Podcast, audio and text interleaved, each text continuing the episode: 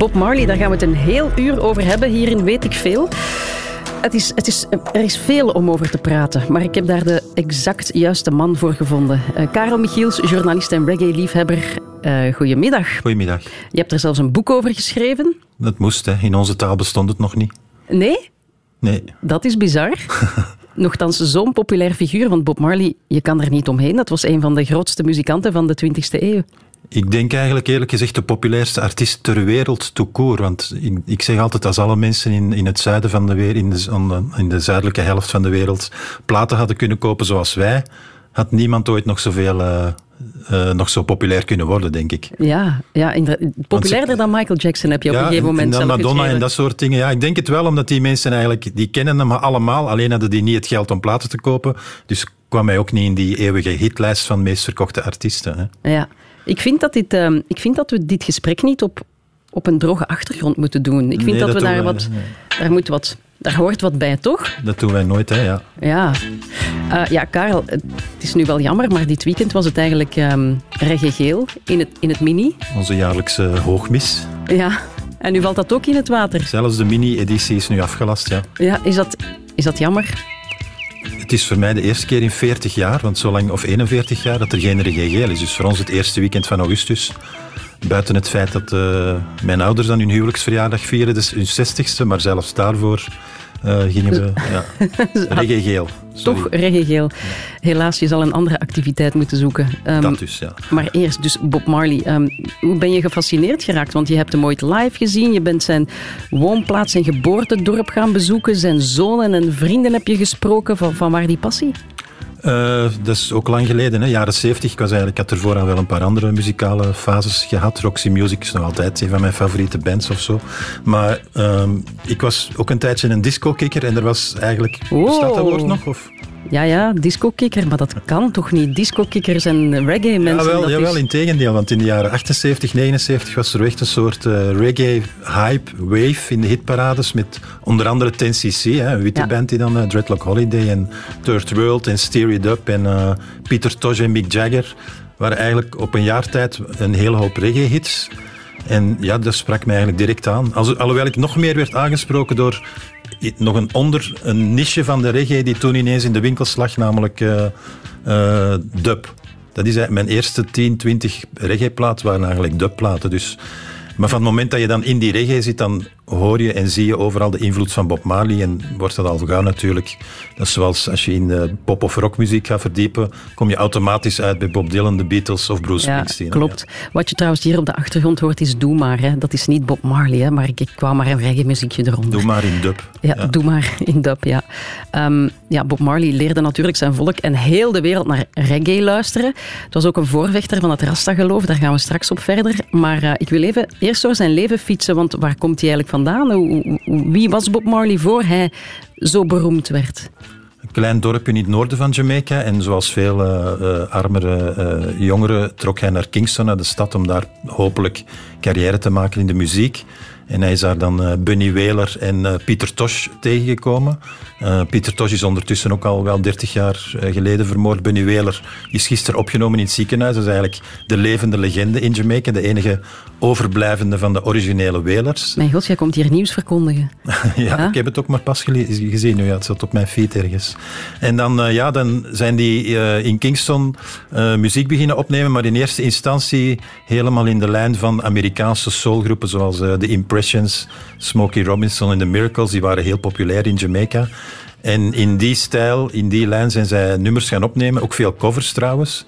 En dat was nog een beetje in de ska-periode. Uh-huh. Um, maar toen in 1966, en daar gaan we het straks over hebben, is Haile Selassie op bezoek geweest in Jamaica.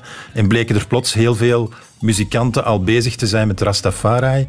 Ja, dat was de Ethiopische keizer, hè? Ja, dat was de keizer van Ethiopië. En ook zijn oorspronkelijke naam was Rastafari. Vandaar komt die naam, uh-huh. dat al ineens gehad. En uh, Bob Marley had toen ook de man leren kennen die Haile Selassie in Jamaica had ontvangen op het vliegtuig, Mortimer Plano. Echt zo'n een echte elder, een echte teacher in de Rasta.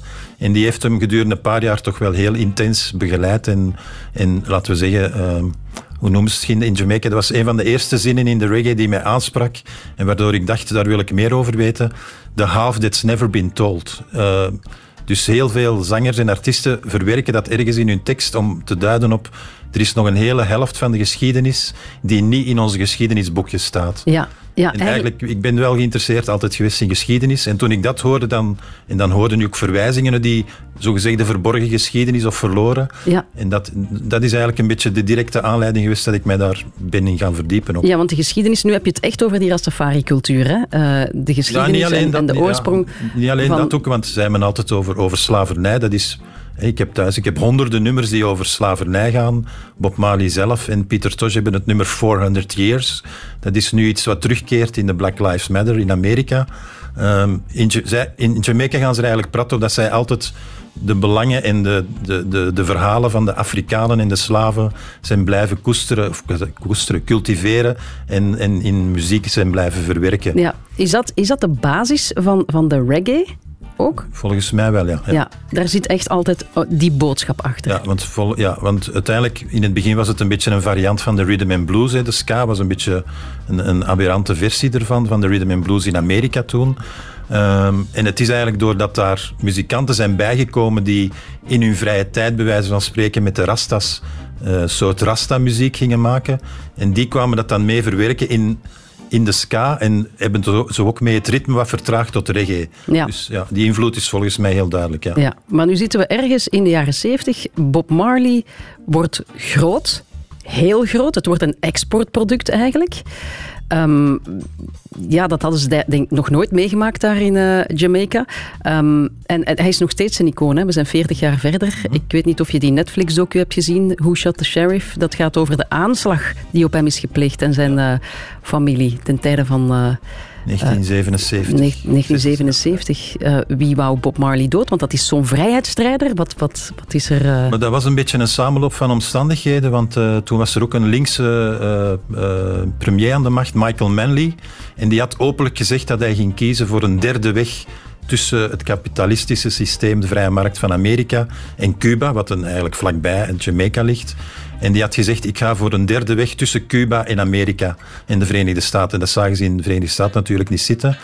Uh, Amerika had toen al in landen als Chili, Argentinië, andere Zuid-Amerikaanse en Latijns-Amerikaanse landen echt wel serieus ingegrepen en daar mm -hmm. CIA en zo naartoe gestuurd. Hetzelfde hebben zij in Jamaica gedaan, hè, een beetje de maatschappij gaan ontwrichten. zeg je nu dat het inderdaad de CIA was? Want dat is nooit opgelost, hè? Nee, niet die, die aanslag op, op Bob Marley denk ik eerder dat dat iets met, in het gokcircuit is. Ik ah, Daar is een fantastisch boek over geschreven. Uh, geschiedenis van zeven moorden van uh, Marlon James. Die heeft ermee grote literaire prijzen gewonnen. Dat is eigenlijk de enige echte roman op literair niveau over wat er toen gebeurd is. Ja.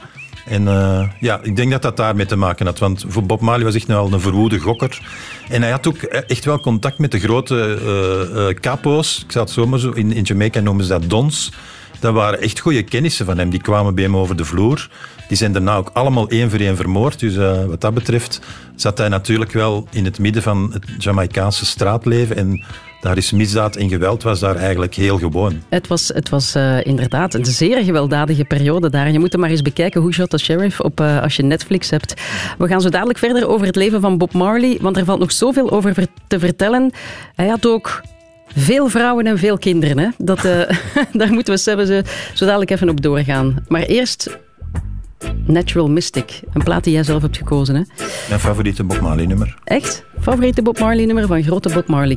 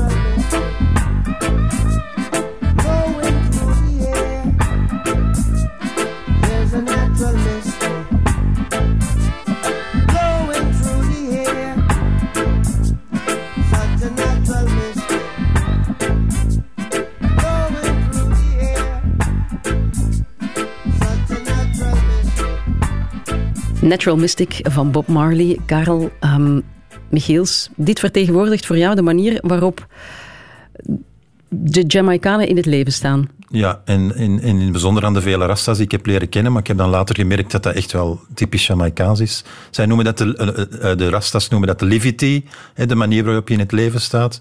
En dat geldt sowieso ook voor rasta, dat voor hen geen religion is, maar een manier van leven. En dat betekent gewoon, ja, je laten meegaan op de flow van het leven, niks forceren. Ehm, vertrouwen dat de dingen goed komen en dat je toch, uh, als je denkt van moet ik dat wel doen, is dat niet te gevaarlijk, maar het ziet er toch aantrekkelijk uit.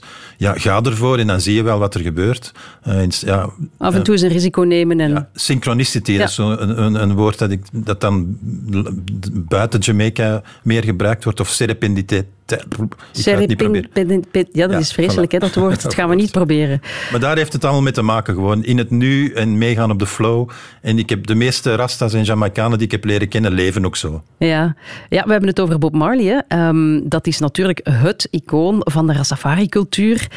Uh, het boegbeeld. Die hele cultuur die sloop ook zijn muziek binnen. Hè. Zijn teksten waren, waren geïnspireerd door de Rastafari. Ja, alhoewel veel minder nog dan veel anderen eigenlijk. Want hij, heeft, hij, citeert af en toe wel eens een bijbelvers of zo, maar hij heeft toch vooral zijn eigen songs daaruit gepuurd. Hè. Ehm, zelfs One Love, dat klinkt heel onschuldig, maar hij heeft het dan toch ook wel over What about the hopeless sinner? Ga je die dan ook, de hopeloze zondaars, ga je die ook mee uh, insluiten in die One Love? Mag die erbij komen? Uh-huh. Uh, en zo heeft hij uh, in, in heel populaire nummers gooide hij iedere keer een zin uit de Bijbel. Want de Bijbel is evengoed het, het heilige boek voor de Rastas als voor de rest. Ja, want die Rastafari-cultuur, dat is, dat is een sociale beweging, maar evengoed een religie. Of een spirituele beweging, ja. ja. Maar, ja. maar de ja. Jamaicanen er is geen, hebben het, qua hoofd van de bevolking het hoogste aantal kerken ter wereld. Dus eigenlijk bijna elk, in bijna elk Jamaicaans dorp hebben ze hun eigen kerkgemeenschap opgericht. Dus zij waren sowieso al allemaal heel bijbels en mhm. religieus opgevoed. En uh, ja, toen die Bijbel die Bijbel hebben zij op een totaal andere manier geïnterpreteerd, op een zwarte manier, laten we zeggen. Hè. Voor hun was uh, Haile Selassie. En eigenlijk, want mensen zeggen mij wel eens, ja, die waren gek, of waar, hoe, hoe komt dat jij dat zo ernstig neemt? Wel, ik zou zeggen, ik neem dat even ernstig als onze versie van de Bijbel. Hè. Volgens hun was Haile Selassie de teruggekeerde Christus, na 2000 jaar ongeveer, dus dat klopt. Ja. Ehm, dus, dus kan je zeggen dat het, het, de, de Rastafari-cultuur of het Rastafari-geloof een spin-off was van het christendom? Ja, zeker. Hè. Dat, is ook, dat zullen zij ook niet ontkennen. Hè. Ja. Ja. Nochtans, Bob Marley is bekeerd van het christendom naar de Rastafari. Uh, naar het Rastafari. Ja, bekeer, want aan, aan bekeren deden de Rastas toen nog niet. Ondertussen zijn er ook een beetje sectarische bewegingen ingekomen. Maar bekeren tot Rasta is sowieso nooit een optie geweest. Maar hij is wel, en daar is dan ook weer twijfel over of hij bekeerd is tot de Ethiopische orthodoxe kerk. Want uiteindelijk was Ethiopië voor hen een beetje het beloofde land voor die Rastas. Waar ze als Afrikanen naar moesten terugkeren, zoals nu ook sommige Amerikanen, Afro-Amerikanen zeggen, we moeten terug naar Ghana, en naar mm. ons land van onze oorsprong. Daar zijn zij altijd heel uh, intens mee bezig geweest. Um, dus ja, de Ethiopisch-orthodoxe kerk, dat is eigenlijk een van de oudste christelijke kerken ter wereld. Ja. En voor hun dan die stap van Rasta naar die Ethiopische kerk, dat dan ook een zwarte christelijke kerk was, was dat nog redelijk klein. En blijkbaar in zijn laatste levensdagen, maar het is de, de patriarch van die kerk in Jamaica zelf die dat dan zegt van ja, Bob Marley heeft zich nog bekeerd, terwijl niemand weet dat dan echt zeker natuurlijk. Oké. Nu, die Rastafari-cultuur, het heeft heel veel teweeggebracht. Alleen, Bob Marley is er wel wel aan gestorven, dat moeten we wel eerlijk zeggen. Ja, daar, niet, aan, niet aan Rastafari, maar wel aan zoals andere eh, mensen die weigeren om uh, zich te laten behandelen of vaccins te nemen. In dit geval... Had dat dan niks met die, met die Rastafari-religie te maken, dat, zal ik het zo maar zeggen? Ja, wel, ja dat hij, wel, hè? Hij, hij wou niet, uh, geen chemotherapie ondergaan of andere kankerbehandelingen. Want die hij, had een melanoom op zijn teen of zijn voet. Zijn teen, ja. ja. En dat, in het begin was dat nog perfect te behandelen. Allee, dat is allemaal zo redelijk goed uh, uh, uh, geïnformeerd, redelijk goed weergegeven in zijn biografieën. Dus in het begin denkt ook van ja, waarom laat hij dat niet even behandelen? Maar toen, dat is ook wel typisch Jamaicaans. Ik ken nogal veel Jamaicanen die inderdaad, ze moeten al half dood zijn voor ze zich naar het ziekenhuis laten voeren. Hè? Ja, ja. ja ze, ze, zijn ook heel erg um, biologisch. alles, alles de, de voeding moet gezond zijn, hè, de Rastafari. Er woord voor, hè? Aital. Eitel. Ja, Eitel Vital, daar komt het eigenlijk een beetje van. Ita, Eitel is vitaal, ja. Aha. ja. Dus de, voeding, de levenswijze, behalve, behalve lekker blauwe, dat zat er wel bij. Maar dat hoort, dat hoort er ook bij. Dat is, ja, dat is eigenlijk ook heel, na, heel natuurlijk product. Ja, ze hebben dat nooit als een drug gezien. Hè? Ja, ja, dat is waar. Ja. Um, ja, hij, zong. Ik, ik, ik, kom er nog eens op terug omdat het zo belangrijk is, want ik heb dat eigenlijk nooit zo ervaren dat, die, dat zijn teksten zo politiek geïnspireerd was, want hij bleef eigenlijk ook wel vrij neutraal. Hè? Wat ik wel heb gemerkt, dat is dat sinds toen wij Bob Marley leerden kennen, dan spreek ik eind jaren 70, dan was dat voor ons echt wel een rebel. En voor ons waren die revolutionaire nummers of de, nummers die over, over eh, Get Up, Stand Up en dat soort dingen, dat was Bob Marley. En dan is die plaat Exodus uitgekomen, wat een fantastische classic album is, zonder meer. Maar ik heb wel gemerkt dat dan in de, in de, in de decennia daarna veel meer de nadruk werd gelegd altijd commercieel in de platenfirma's en de media op One Love, het nummer uh, Three Little Birds uh, jamming. Hè. Ja, echt teksten van verbroedering, van, van vrede. Dat, dat moet ook allemaal in, dat hoort er allemaal bij. Maar heel het revolutionaire gedeelte van Bob, en zeker wat hij over Rasta, want in elk interview zei hij, mijn belangrijkste doel is Rastafari verspreiden over de wereld en mensen daarmee bekendmaken.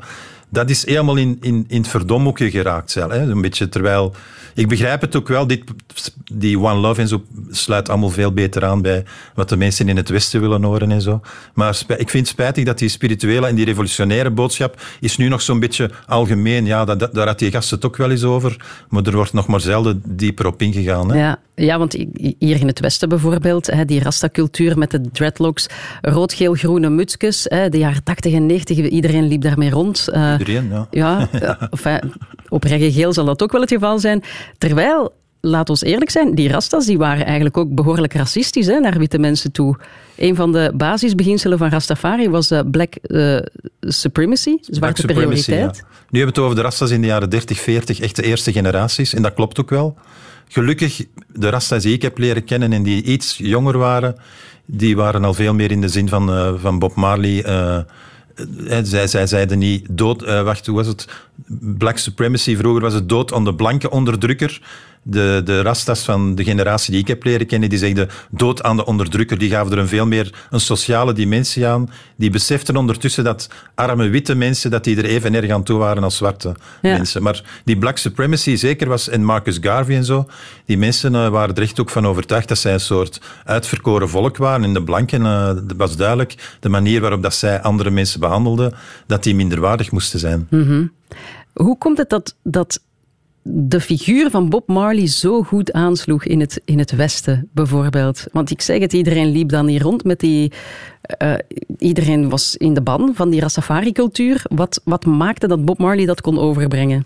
Ik denk in de jaren zeventig nog vooral omdat toen nog heel veel mensen op zoek waren naar een vervolg op de protestcultuur van eind jaren zestig mensen vragen wel eens, uh, of ik hoor mensen wel eens vragen van hoe komt het er nog zo weinig protestliederen worden gemaakt? Mm. En dan moet je altijd iets van vroeger gaan spelen, van Bob Dylan of zo. Terwijl in de reggae is dat eigenlijk nooit... Wij hebben, enfin, wij hebben duizenden protestsongs, bij wijze van spreken. Bijna alle artiesten in, in Jamaica nemen nummers op uh, die gericht zijn tegen de maatschappij, tegen wat er fout loopt, voor rechtvaardigheid, voor gelijkberechtiging. En uh, Bob Marley die beantwoordde toen toch, ik herinner het mij toch nog, eind jaren zeventig, waar de, toen, toen die beweging vanuit Amerika, hippies en zo, dat was eigenlijk pas later hier beginnen doordringen. En heel veel mensen waren toen nog op zoek naar iemand die dat ook kon uh, verwoorden. Hè. En dat, Het feit dat dat dan uh, iemand toevallig uh, uit Jamaica was in een andere huidskleur, op dat moment was niet zo belangrijk, want hij werd toen eigenlijk een beetje gezien als een nieuwe Jimi Hendrix of zo. Hè. dus wat dat betreft. ja. ja. Een knappe Jimi Hendrix ook. Um, hij had, ik zeg het, nu hebben we het nog altijd niet over zijn uh, privéleven gehad. Daar uh, wil ik uh, zo dadelijk even op doorgaan. En over die onnoemelijke grote toeter waarmee hij op zijn album stond, wat ongelooflijk veel verkocht heeft en waardoor de halve wereldbevolking is beginnen blowen. Enfin, hij zal, er, hij zal er wel een beetje aan bijgedragen hebben. Hè? Zeker, ja. Daar gaan we het zo dadelijk over hebben. The more you accept herb is the more you accept Rastafari. Rastaman vibration, yeah. Positive.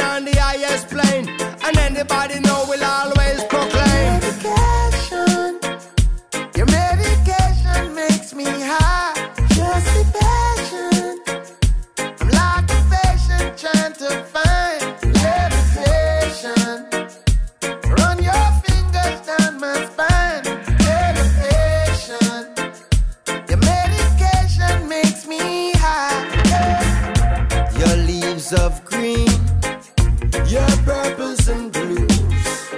Has cured little kids and old women too. And I say to myself, what a wonderful herb.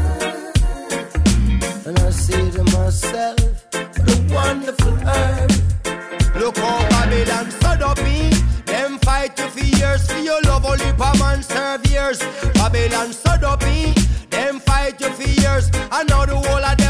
shares. You should be a celebrity amongst any tree across the seven seas for your energy. But you're an enemy, catching felonies for the remedies in your recipes.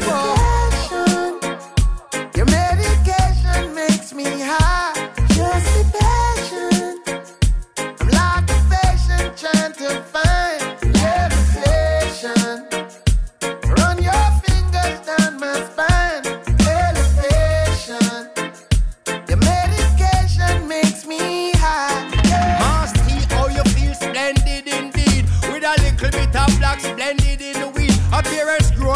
Indoors, not a stick nor seed. And she never post stripe, it was a real slow speed. No fertilizer, natural baby feed. No cross pollination, she's a real pure breed. Cultivated with love, and she's not grown for greed. She's everything I want, and also all I need. Medication.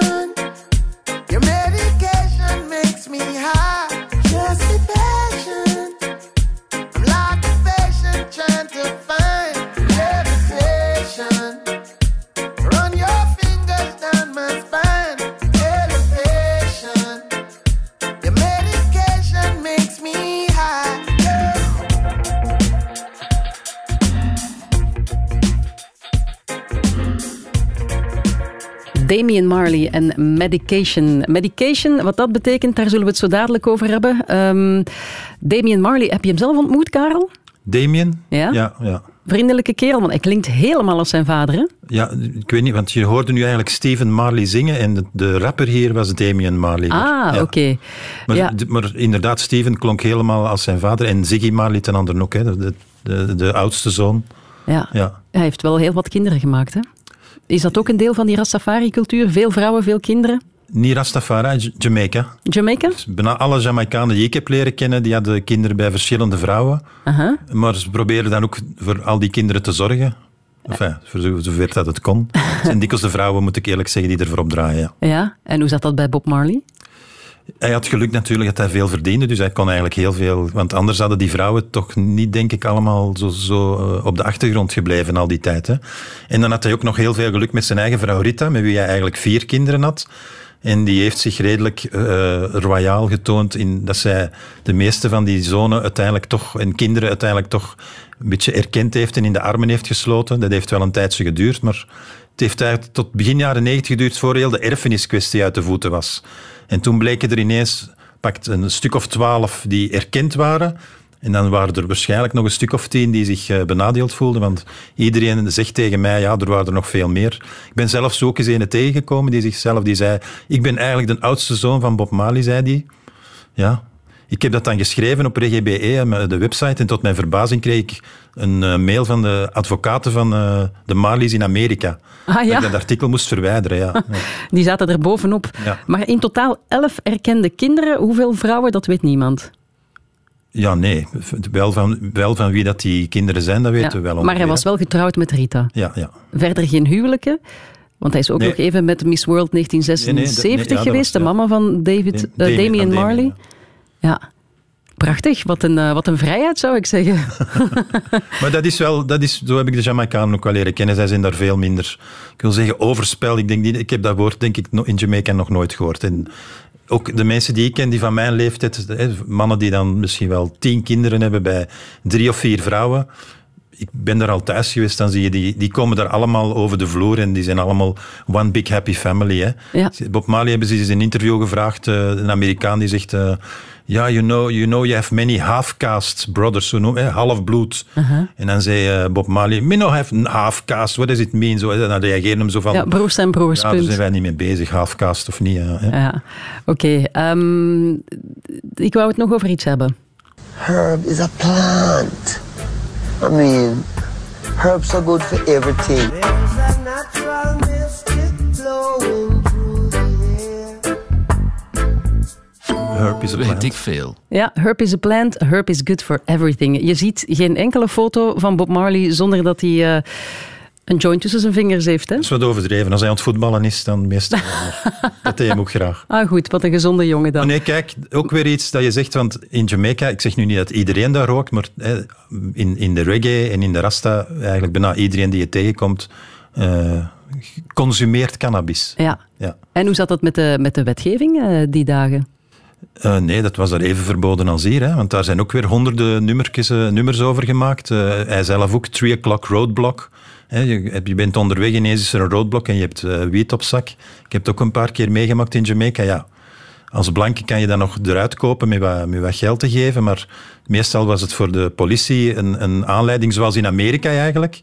Eigenlijk een, een, klein, een klein, misschien een joint op zak hebben. En dat is dan aanleiding om u in een bak te steken en zelf af te kloppen. Dat was nog die tijd ook eh, in, in Jamaica was dat ook nog zo. En dat is pas twee of drie jaar geleden veranderd. Hè. Ja. In welke zin dan? Ah, zij, hebben, zij hebben cannabis gewoon uit de strafwet gehaald. Hè. Toen, Ja. eh, toen dat in Amerika bleek dat daar al verschillende staten waren waar dat, dat gebeurd was ondertussen. En eh, ja, nu is dat een, denk ik een bloeiende business die op gang ontkomen is in Jamaica. Ja, het is een, eh, een groot exportproduct. Hè? Het is Eh, altijd het grootste exportproduct geweest van Jamaica, ook Ja. toen het nog verboden was. Ah, natuurlijk. ja, ja. ja, de Rastas promoten cannabis eigenlijk al, al lang voor Bob Marley als the healing of the nation. Dat, daar zingt hij soms ook over. Hè? Ja, ja, ja. Dat is ook een, uit de Bijbel komt, dat uit Genesis, hè, dat God heeft de wereld geschapen en allerlei planten. En zij zeggen dan, als we zeggen allerlei planten, betekent dat ook cannabis. En allerlei planten zijn ter heling van de natie, om het hele volk te genezen. En voor hun betekent dat niet alleen eh, medisch, ook geestelijk, om papier en touw te maken, als brandstof, als voeding. Snap je, voor hun kan eigenlijk alles met die plant, kan, eh, kan, een, kan een, een maatschappij functioneren. En dat hebben zij ook geprobeerd ten andere. De eerste generatie Rastas, die hadden kampen in de bergen, die helemaal autochtoon, eh, autochtoon wat zeg ik, eh, self-supporting waren. Ja.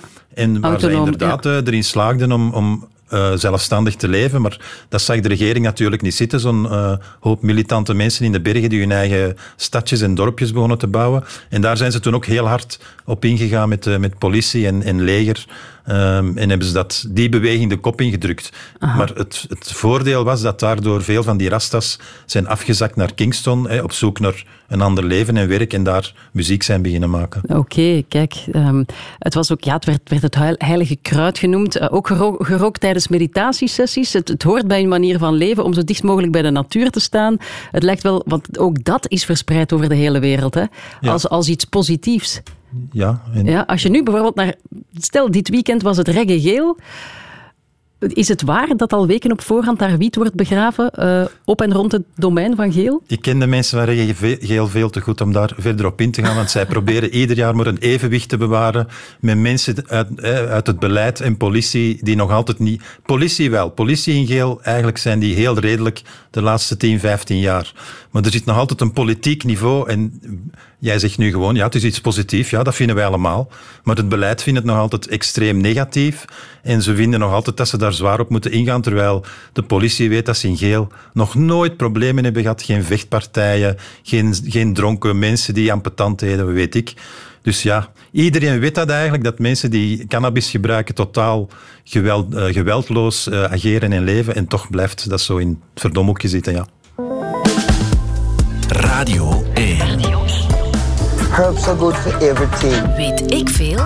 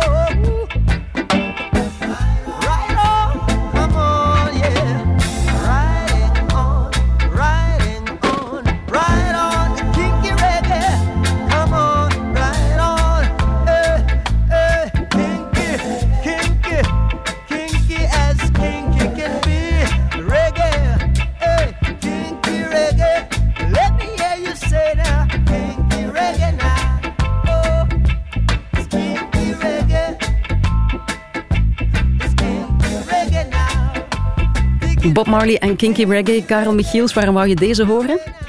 Kinky Reggae.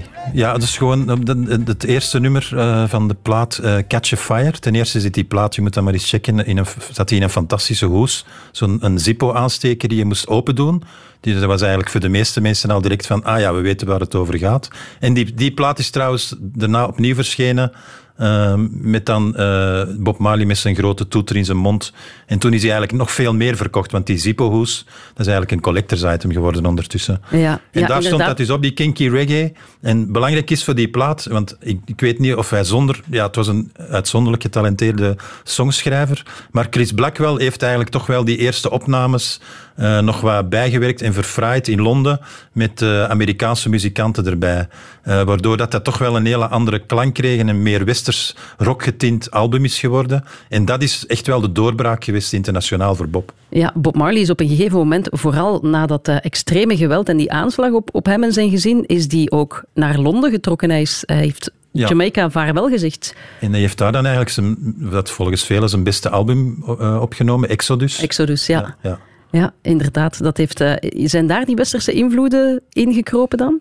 Uh, dat was weer terug wat minder, alhoewel dat daar bijvoorbeeld wel Junior Marvin, uh, daar, toen was er bijgekomen een Amerikaans-Jamaicaanse artiest, en die hoor je dan ook veel meer wat in de reggae vrij ongewoon was. Gitaarsolo's doen en gitaarlicks die we eigenlijk in de, in de mainstream reggae, laten we zeggen, Jamaicaanse reggae, nog niet kenden. Maar tegen dan had Bob echt wel zijn eigen stijl gevonden en hoefde hij ook niet meer zo nodig te denken van hoe ga ik nu het rockpubliek behagen. Hè? Ja, ja oké. Okay. Um, ehm, ja, hij heeft reggae op de kaart gezet. Je zei het daar straks al, waarschijnlijk was hij wereldwijd bekender dan, uh, dan Michael Jackson. Hè? Um, nu, na zijn dood heeft die reggae-invloed ook weer invloed gehad op heel wat andere genres. Ja, ik, ik, ik, kan alleen maar zeggen als muziekliefhebber. Allee, ik was niet alleen geïnteresseerd in reggae, maar aan het einde van de jaren tachtig had je eerst jungle. Dat kwam rechtstreeks van de reggae. Dat was eigenlijk gewoon een versnelde vorm van, van de reggae die toen populair was. Uh, uit de jungle, en een beetje later na de jungle kwam dan weer eh, de, de ja, trip-hop, noemden ze toen. Laten we zeggen Massive Attack. De Orb, Orb zeker. En als je dan interviews leest met mensen van Massive Attack in de Orb, ja, die, die luisterden thuis alleen maar naar King Tubby's en Lee Perry en andere dub uit het verleden. En van daaruit hebben die hun eigen nieuwe muziek gecreëerd. Dus ja, dan, dan, na die trip op, ja, dan had je drum en bass. Drum en bass is eigenlijk een term die, ik, ik, kan het, ik kan het bij wijze van spreken bewijzen, omdat ik het, de term zelf al gebruikt heb in artikels begin jaren tachtig. In Jamaica was dat gewoon een ander woord voor dub. Hè. En Sly en Robbie, drum en bass... Uh, dat was eigenlijk bijna de verpersoonlijking ervan. En hier, er werd dan ineens hier plots een, uh, een genre. Later nog dubstep, eigenlijk de naam zegt het al, ook uit de dub. Ja, dubstep, ja. Eigenlijk, we gaan eens luisteren. Oh. Maar dit is geen dubstep. Dit, dit is, gewoon de klassieke Jamaicaanse dub. Hè? Ah, dit is dub. Ja, natuurlijk. Ja, dubstep is natuurlijk veel sneller. Ik dacht iets anders te horen. Oké. in Jamaica is ook geen dubstep gemaakt, nooit. Het zijn, dat zijn allemaal dingen die eigenlijk uh, in Londen zijn ontstaan uit de tweede en derde generatie Jamaicanen, ik zou het zo zeggen. Aha. Ja, nu bijvoorbeeld Major Lazer, super populair onder de... Helemaal uit de dancehall, maar daar hebben we het nog niet over. Ja, dancehall, ja, ja. ja, eigenlijk is dat allemaal terug te leiden naar die reggae-muziek ja. waar Bob Marley in het grote uithangbord van was. Ik vind dat ja, en het helpt mij een beetje mee het ouder worden, want iedere keer opnieuw bij elke nieuwe muziek die uitkomt, denk ik van, ah, tja, dat is referenties naar de reggae, dat ken ik vandaar. Of dat ja. zelfs de reggae komt ook van ergens, dat heeft zich toch ook laten inspireren door uh, soul? Ja, inderdaad. Ik heb heel veel soul ontdekt hè, door reggae. Ik, heb, ik had misschien al wel 5000 reggae-platen toen ik stilaan allemaal originele nummers... Want in Jamaica bestonden auteursrechten niet. Dus zij zetten daar ook nooit de originele auteurs bij. Dus soms loop ik in de supermarkt nu en hoor ik een nummer. En ik denk, maar enfin, het kan niet. Dat is, ik dacht allemaal dat dat goede reggae-nummers waren. Maar blijken allemaal oude soul- en funk-klassiekers geweest te zijn. Of, of, minder bekende, die in een reggae-jasje zijn gegoten. Ja, en de reggae komt dan ook weer van de Jamaicaanse ska. Dus eigenlijk zit iedereen van elkaar te kopiëren. Ja, want de, ska was dan weer een, een, eh, een soort fusie van rhythm and blues en mento en, en rasta-muziek. Ja. Ja. ja, die teksten die kan natuurlijk de teksten van Bob Marley, heel de wereld zingt die mee, dat is nu toch altijd positief en hoopvol. Is dat het succes van Bob Marley? Ik denk het wel. Hè. En van, van Jamaicaanse muziek, toch voor mensen die zich, die zich aangesproken voelen door die muziek, dat die onlang, ondanks hun, hun sombere verhalen en wat er allemaal gebeurt, en ze worden afgeklopt en ze worden al 400 jaar gediscrimineerd en, uh, en, en onderdrukt, blijven die mensen toch goed gezind. Ja. zeggen die van, ja oké, we hebben nu Get Up Stand Up gezongen, maar nu even One Love en even jamming, hè, mannen. Want we moeten wel zien dat we, dat, dat we een beetje uh, die natural mystic van het goede leven bewaren. Dus mm zij, zijn niet, zij, zij, zijn niet, zij vervallen niet in een soort pessimisme of doemdenken. Ze willen gewoon dat de wereld dat weet. Er is veel onrecht, luistert hier naar, maar nu gaan we even terug dansen. Ja, dat zegt heel veel over een cultuur. Bijvoorbeeld als, als, er, als er bij ons donkere periodes aankomen, dan komt er donkere muziek. En daar is het uh, het tegenwicht bieden met uh, vrolijke muziek. Ja, ja, en muzikaal, dat is, dat is, natuurlijk wel omdat hier in het Westen wordt het altijd een beetje ervaren als een vrolijk zomers ritme. Hè? Dat staat er een beetje los van. Maar in de teksten zullen zij nooit uh, uh, dingen, dat, zal, dat is altijd zo gebleven. Zo, hè? Later in de dancehall noemden ze dat dan reality dan ging dat eigenlijk over wapengeweld en uh, alle soorten dingen. Uh, ja, ook die homo-haat in de dancehall die we een tijd gehad hebben. Mhm. Maar dat, zij beschrijven gewoon wat er in Jamaica gebeurt. Hè. Zo is het altijd geweest. En dat deed Bob ook al. Maar Bob Marley is er wel in geslaagd om dat, zoals eh, Bob Dylan, tot een soort dichtkunst te verheffen. Hè? Ja, kijk, Yves Steenbrugge die heeft hier een app gestuurd en die zegt, kan uw gast misschien ook iets zeggen over de homofobie en reggae Ah, voilà. van eh, Bob Marley? Maar ik weet Ja, het, want dan worden wij natuurlijk iedere keer, als het over reggae gaat, is er wel ergens iemand die ons, er- ons erop wijst. En dat mag ook. Hè, maar ik heb daar heel lange stukken over geschreven. En in de media komt dan in de mainstream mee maar Karel, zeg het. Zeg het nu eens. Eh, ja, nee, het is, het is gewoon een cultureel gegeven in Jamaica. Mensen moeten eens naar Jamaica gaan. Dat is zoals de Bible Belt in Amerika. Hè, Ik heb gezegd, ze zijn allemaal religieus opgevoed. Voor hen is dat gewoon ondenkbaar. En er waren inderdaad in de jaren negentig een paar, want het waren er niet veel, ik denk dat ik ze op één hand kan tellen, die daar dan een nummerke over maakten. Eén man, Sisla, is een beetje blijven volharden in de boosheid.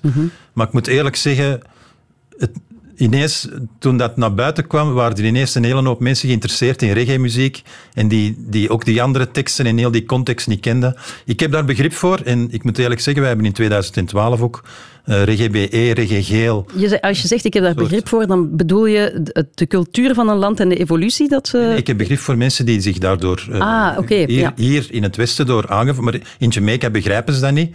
Maar wij hebben in 2012 wel een soort eh, charter afgesloten, anti-homofobie-charter in de reggae, samen met Reggae Geel en Savaria, de belangenvereniging. Zijn wij hier rond de tafel gaan zitten, want dat probleem stelde zich hier ook. Hè. Ah ja. Beanie Man en Sisla die moesten hier eh, in concerten op Couleur Café en Reggae Geel afzeggen.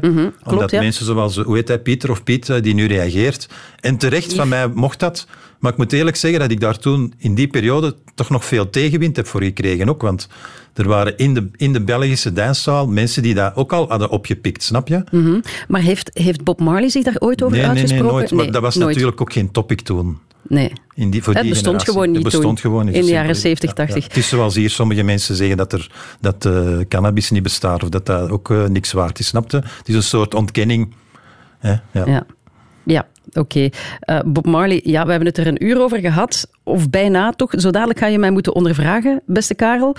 Ehm, we zullen nog eens een van die, ja, de, zijn allergrootste misschien wel bovenhalen. Hè. Het, het werd ook gespeeld toen ze de Berlijnse muur afbraken, want dat doen mensen dan. Hè. Tijdens crisissen wordt Bob Marley zijn muziek bovengehaald als teken van hoop. Een beetje positivisme. Eh, one love, people get ready, Bob Marley.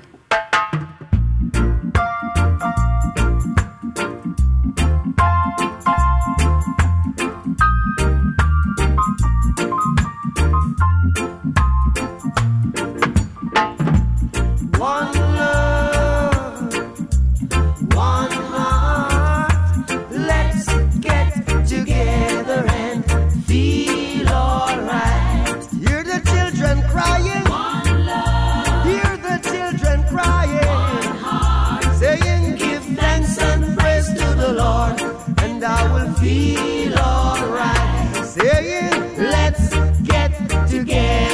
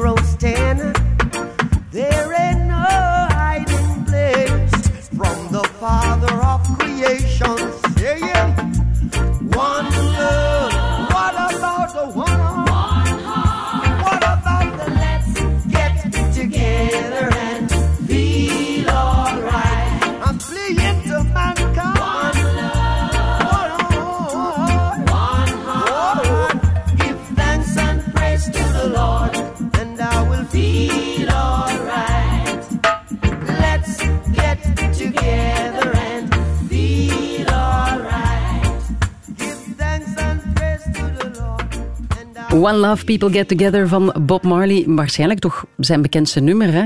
Karel Michiels? Ik denk het wel, hè. je hoort dat overal. eh. Ja, ja iemand eh, vraagt hier, No Woman, No Cry. Ehm, waar gaat dat eigenlijk over? Want ik heb dat altijd fout geïnterpreteerd, zei die. Die- Ik had het geïnterpreteerd als vrouwen mogen niet huilen.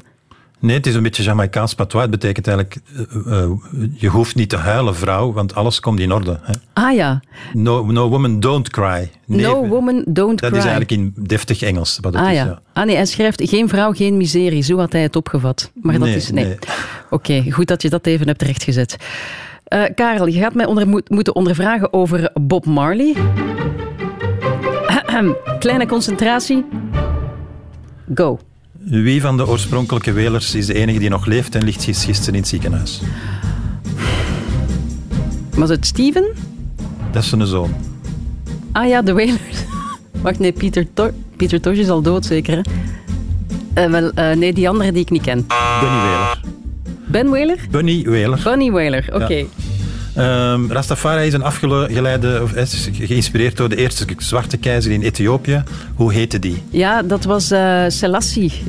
Haile Selassie? Selassie is goedgekeurd, ja, ja. Wat is het woord dat de Jamaicanen gebruiken voor eh, biologische gezonde voeding? En het rijmt op vital. Aitel. Voilà. Oké. Bob Marley had een hoop vrouwen en verschillende kinderen, maar er was er één met wie hij getrouwd was en die al die kinderen... eh, Ja, dat was Rita. Oké, ja. Ehm, en dan eh, de aanslag in 77 op zijn leven ehm, had ook te maken waarschijnlijk met een van zijn grote passies buiten muziek. Wat zou dat kunnen zijn? Blowen. Eh, Wacht. Paardenraces? Ah ja, ja. Gokken. Ja, Ja, ik ga het niet helemaal goedkeuren. Dat, dat was hem. Drie op vijf. voilà. Dat is goed voor iemand eh, die er toch helemaal buiten staat. Zeg Karel, dankjewel. Um, ook gedaan. om je, je eh, boek te schrijven. Mensen die meer over Bob Marley willen weten. Het boek heet Bob Marley. 25 songs, 25 verhalen. Ja, ik hoop dat je je ondertussen wat kan bezighouden nu Reggie Geel in het water is gevallen. Dankjewel om hier te zijn. Weet ik veel?